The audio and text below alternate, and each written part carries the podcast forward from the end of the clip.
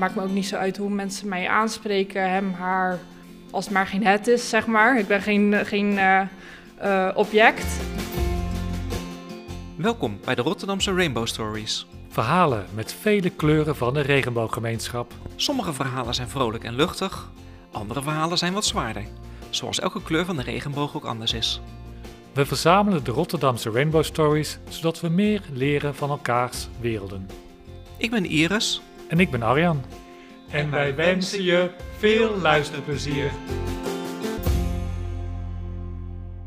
Hi, ik ben Tessa en ik ben vrijwilliger bij COC en ik geef voorlichtingen in de klas uh, op middelbare scholen, mbo-scholen, ook voor docenten. En uh, dit doe ik naast mijn studie Social Work op Hogeschool Rotterdam. En uh, ja, dat doe ik eigenlijk in het kort. Oké, okay, uh, dus je zit nog, nog lekker op school. Vertel eens, ja, hoe is jouw, jouw, jouw jeugd geweest tot nu toe in relatie tot de COC, zeg maar? Hoe ben je hier terechtgekomen? Ja, daar ben ik eigenlijk wel nieuwsgierig naar.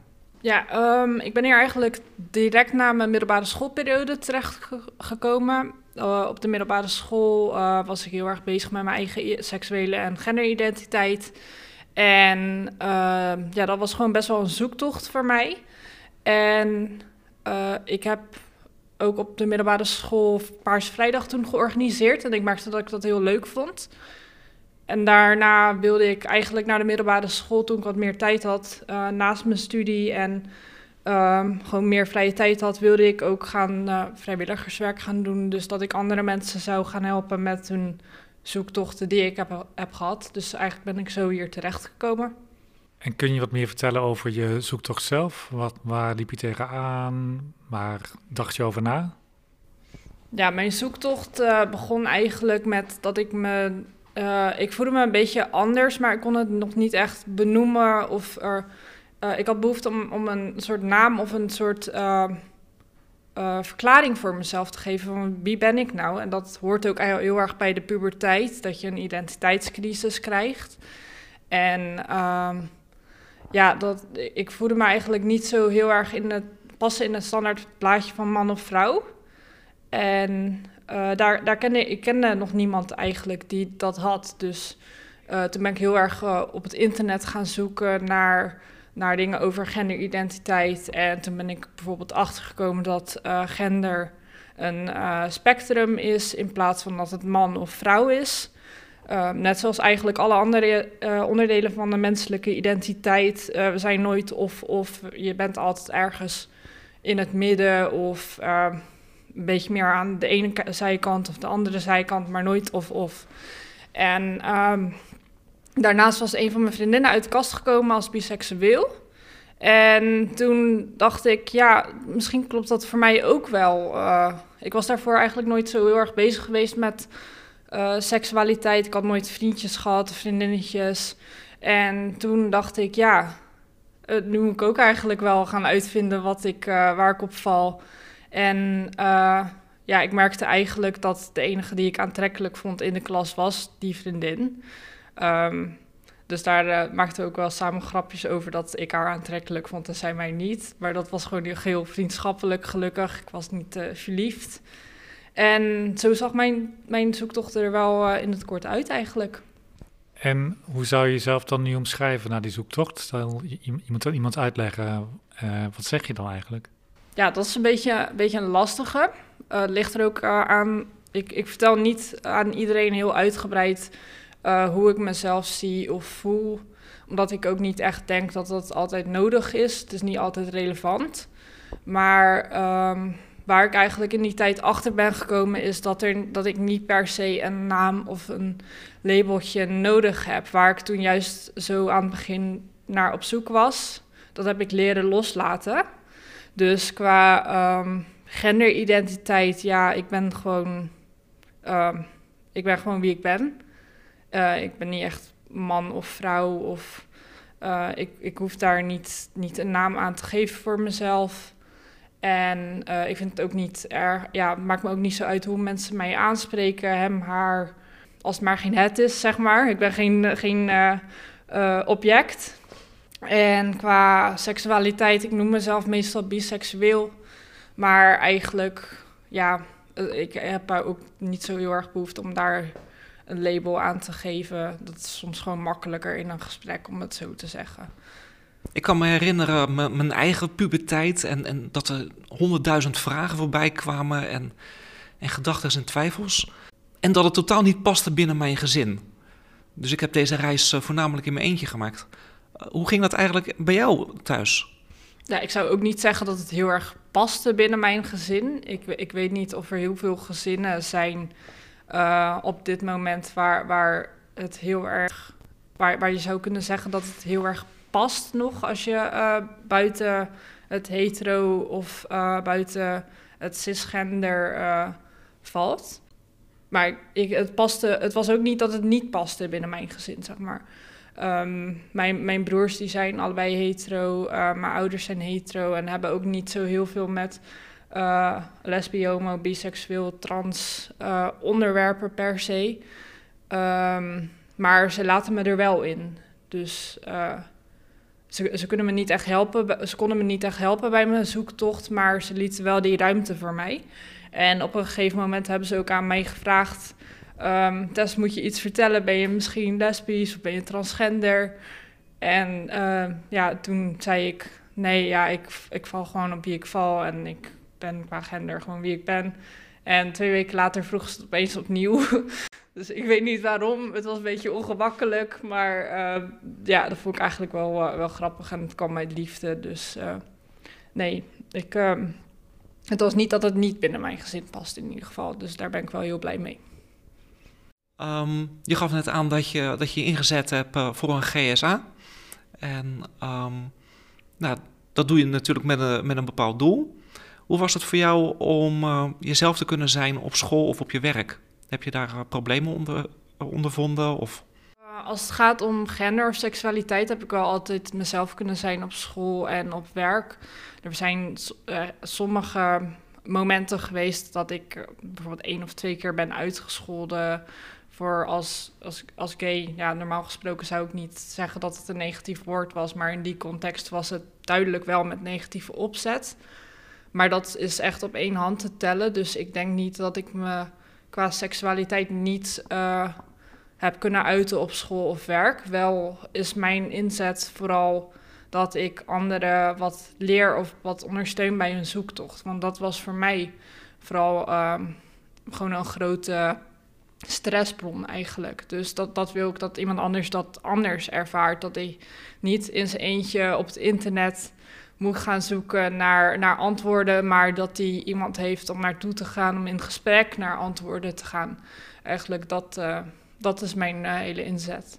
Ik heb wel um, bijvoorbeeld uh, online via Tinder heb ik wel eens haat gekregen. Toen weet ik nog dat ik net Tinder had en ik had mijn eerste berichtje op bij Match en daar was ik helemaal blij. En toen opende ik het en toen werd ik uitgescholden voor uh, uh, vieze transgender slet, je moet zelfmoord plegen. Dat was het berichtje.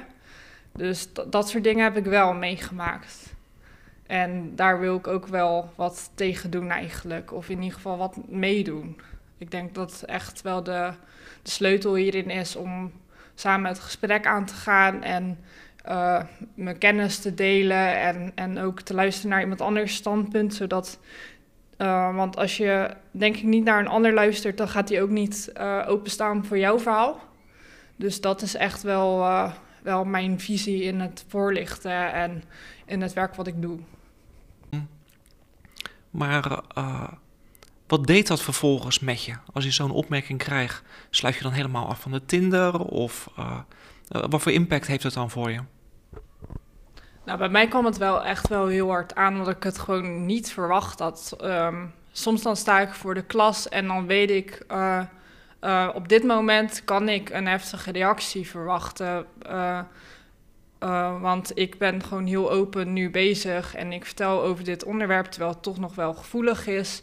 En dan ben ik soort van al voorbereid dat, dat er misschien iets gaat gebeuren en dan doet het me wat minder. Maar als ik met daten bezig ben, iets wat, wat ik echt, um, waar, ik juist iets van liefde verwacht in plaats van haat, dan komt dat wel best wel hard aan.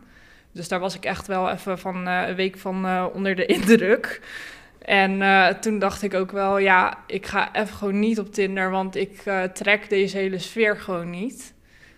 En ja, dat vond ik ook, dat voelde ook wel gewoon onveilig. Ik, ik heb nu ook wel dat ik als ik weer op een dating app ga, dan weet ik dat dit kan gebeuren. Dus dat uh, zorgt er wel voor dat ik misschien net wat andere foto's op mijn profiel zet. Dat, ik, dat het niet net wat minder duidelijk is dat ik ehm, LHBTI ben en dat ik hier veel mee bezig ben. Maar aan de andere kant wil ik het ook wel juist op mijn profiel zetten, omdat het heel belangrijk voor mij is en dat ik er passie voor heb voor wat ik doe. Dus dat is altijd, ik, ik moet er heel bewust over nadenken nu en dat wil ik eigenlijk niet. Nee, dat snap ik. zijn dingen waar je niet eigenlijk op dat moment mee bezig wil zijn. Je wil gewoon connectie maken met mensen. Ik was ook eigenlijk benieuwd, je, je werkt nu, hè? je loopt ook stages toch, als het goed is. Ehm, ben je daar op je stage ook met zoiets bezig? Komt het ooit terug in gesprekken? Of kun je er misschien iets meer over vertellen? Ja, ik um, loop nu stage op een woongroep voor studenten met uh, autisme. En dat zijn dan HBO- en WO-studenten. En ik gebruik eigenlijk dit best wel heel vaak op mijn stage, omdat um, heel veel van die studenten die zitten juist uh, met uh, gender- of seksuele vraagstukken nog, omdat zij bijvoorbeeld hun puberteit wat later hebben soms en dat pas later gaan ontdekken. Of er is bijvoorbeeld uit onderzoek gekomen dat er bij autisme veel biseksualiteit en dat ze ook wel vaker transgender zijn. Um, dat is eruit gekomen. En dat is ook wel zichtbaar op de woongroep waar ik dan stage loop. Ik ben daar begeleider. En ik vind het daar juist heel erg belangrijk om het gesprek aan te gaan en te laten weten: oké, okay, als je vragen hebt of als je het gesprek aan wil gaan, laat het gewoon weten. Dan gaan we er gewoon over kletsen. En dat kan ook heel, iets heel gezelligs zijn eigenlijk. Um, sowieso vind ik het belangrijk om seksualiteit uh, te benoemen in mijn begeleiding. Of daar niet een soort verlegenheid in te hebben om daar vragen over te stellen. Want dat wordt toch ook wel vaak onderbelicht door hulpverleners. Terwijl um, het heel belangrijk is voor iemands kwaliteit van leven. Als die uh, onzekerheden of stress heeft om dingen zoals seksualiteit en gender. Dus daar uh, probeer ik ook wel interventies voor uh, te verzinnen en gesprekken aan te gaan. En ja, dus dat probeer ik wel. Nou, super dat je dat doet. Echt heel mooi. En, hoe, hoe, reageren jouw collega's eigenlijk hierop? Of hoe staat je werkgever hier tegenover? Nou, ik heb heel erg geluk dat, ik, ehm, dat, dat mijn collega's juist het heel leuk vinden en die uh, zijn er, die, die, vinden het dan ook leuk om te weten hoe is dat dan gegaan, zo'n gesprek. En die willen er zelf ook meer over weten. Dus als zij vragen hebben rondom iets van biseksualiteit of alles in die richting eigenlijk, dan um, schromen ze ook niet om, om daar vragen over te stellen. En sommige van mijn collega's die zijn zelf ook biseksueel.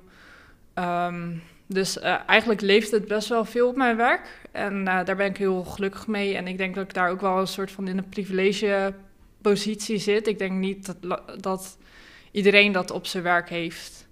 En ik denk ook niet dat dat... Ja, ik, ik denk dat ik dat gewoon wel moet waarderen, eigenlijk. Ik maakte eerder al een klein bruggetje naar het uh, Eurovisie Songfestival. dat is eigenlijk waar deze podcast op geïnspireerd zijn. Hè, om verbinding te maken tussen de mensen die thuis zitten en, en wat we achter de schermen allemaal doen. Um, wat, wat betekent het Songfestival voor jou? Heb je daar herinneringen van vroeger of heb je er helemaal niks mee? Vertel eens. Oeh ja, herinneringen van vroeger. Vroeger keek ik het echt altijd op de bank met mijn ouders. Dat was wel gewoon zo'n hele avond naar, naar al die shows kijken en uh, ja, dat was wel altijd heel gezellig en leuk. En nu kijk ik het de laatste jaren wat minder, omdat ik het, dat is natuurlijk ook heel lang en dan moet je er ook wel veel tijd aan, aan besteden. En ik heb het ook heel veel druk met andere dingen. Uh, maar ik vind het wel altijd heel leuk en uh, leuk om te zien dat al die nationaliteiten bij elkaar komen. Dat, dat gebeurt ook niet heel vaak. Ja, de muziek vind ik soms wat minder. Um, Maar soms is, komt er juist ook wel een band uit die ik juist wel heel vet vind. Eh, ehm, en toevallig dan ben ik fan van Duncan Lawrence, dus dat kwam wel goed uit eigenlijk. Dus ja, ik snap wel dat hij heeft gewonnen, daar ben ik wel heel blij mee. Ja, dat, dat vind ik eigenlijk van uh, Eurovisie Songfestival. Ja, dat kan ik totaal herkennen. En ik was eigenlijk niet meteen fan van Duncan, maar toen ik hem echt zag optreden, toen dacht ik, ja, ik snap wel waarom hij uh, heeft gewonnen. Heb je naast Duncan nog andere liedjes waarvan je, waarbij je mooie herinneringen hebt? Oeh, dat vind ik uh, een hele, hele lastige eigenlijk. Was wel een tijd uh, geleden, een paar jaar terug, was er een een of andere uh, vette metalband uit uh, Oekraïne, volgens mij. Die vond ik toen heel vet. Maar ik, ik, ben, ik vind het zo stom. Ik ben die naam vergeten. Dus ik kan er gewoon niet meer opkomen. Dus daar moet ik nog een keertje een dag uh, aan besteden, denk ik, om dat nog eens terug te vinden. Want um, ja, dat zou ik wel eens opnieuw willen horen, eigenlijk. Nou, het Eurovisie is dit jaar in Rotterdam. Wat heb jij met Rotterdam eigenlijk? Oh ja, ik vind het echt een topstad. Um, ik heb uh, helaas nooit in Rotterdam gewoond. Uh, ik woon in Barendrecht, net eronder. Ja, uh, Rotterdam is echt om de deur. Uh, ik studeer hier ook. Um, in niet-coronatijd ben ik hier echt vaak. ik vind het altijd gezellig, leuke sfeer.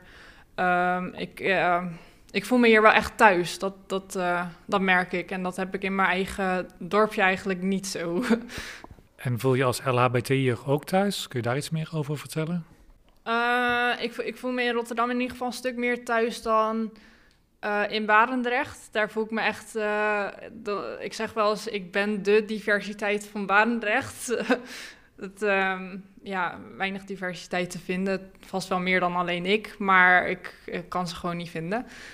Um, en in Rotterdam heb je wel de plekjes waar je dat wel gaat vinden. Bijvoorbeeld, uh, ik ben heel erg fan van de uh, Witte de Witstraat en de oude Nieuwe Binnenweg. En dan zie ik wel mensen waaraan ik mij, denk ik, kan relateren. Als ik in ieder geval naar hun uiterlijk kijk. Um, dus daar voel ik me inderdaad wel echt uh, thuis. Wat zou Barendrecht kunnen doen om dat beter te maken? Uh, ik, ik weet niet zo heel erg goed wat ik eraan zou, zou kunnen doen in Barendrecht. Ik merk gewoon dat um, er in ieder geval, het ziet er naar uit dat er weinig diversiteit is in, in de bevolking daar. Dus als je iets afwijkt, dan uh, val je al meteen heel erg op. En dat zie je ook bijvoorbeeld in afkomst. Um, ja, uh, um, plat gezegd zit Barendrecht wel vol met kaaskoppen. En uh, dus als je uh, een huidskleur hebt, dan uh, val je ook bijvoorbeeld al heel snel op. En ik denk dat we wat minder daar gewend zijn aan, aan wat diversiteit en dat dat terug is te zien in bijvoorbeeld racisme, maar ook in, ja, in LHBTI-zaken. En ik heb niet echt het idee dat ik bijvoorbeeld op mijn school in Barendrecht echt gediscrimineerd werd. Maar toch werd ik dan voor mijn gevoel wel op straat iets meer aangekeken. Wat ook logisch is, want ze zijn niet echt gewend om, denk ik, iemand te zien die er net wat minder standaard uitziet. En voor de, de luisteraars is het dan wel uh, belangrijk, denk ik, om te weten dat ik vaak blauw haar heb of uh, roze of uh, andere kleuren van de regenboog. Dus het is ook wel lo logisch dat mensen af en toe een beetje staren, is ook niet erg. Um, maar ik denk dat ze toch wel iets minder gewend zijn uh, om net wat anders te zien. En dat is niet per se extreem erg, maar dat maakt wel dat ik me net wat minder welkom daar voel. Je gaf aan dat je Rotterdam een hele gave stad vindt. Wat uh, voor mensen die hier als, als toeristen op visite komen of die vanuit een andere dorp hier naartoe komen, wat zou je zeggen dat ze echt hier gedaan moeten hebben of gezien moeten hebben? Wat is echt een, toppetje of zo? Een, aantal? Um, een, een, echte topper. Ja, ik, zoals ik net uh, zei, ben ik gewoon heel erg fan van, van uh, uh, de Witte de Witstraat en Nieuwe en Oude Binnenweg. Dat zijn wat, net wat artistiekere straatjes met alternatievere mensen. Dat, daar zou ik echt mensen naartoe sturen om daar lekker gewoon op een terrasje een biertje te gaan drinken en van de gezelligheid te genieten.